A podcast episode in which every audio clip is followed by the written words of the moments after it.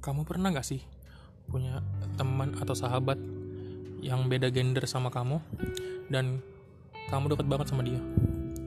Dia yang bisa bikin kamu ketawa, dia yang bisa bikin kamu kesel sekesel keselnya, emosi. Dia juga yang bisa jadi tempat cerita ketika kamu lagi suka sama seseorang. Dan di depan dialah kamu jadi dirimu yang sebenar-benarnya.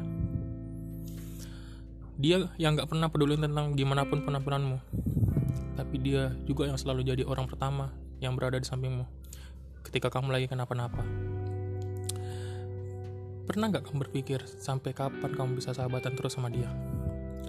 Kalau tiba-tiba rasa ingin memiliki itu muncul, apa itu manusiawi? Tapi kamu juga harus siap kalau sampai dia ngejauh dari kamu terlalu cepat. Pilihannya cuma dua, terbunuh atau dibunuh paksa. Shit man, rumit banget gak sih?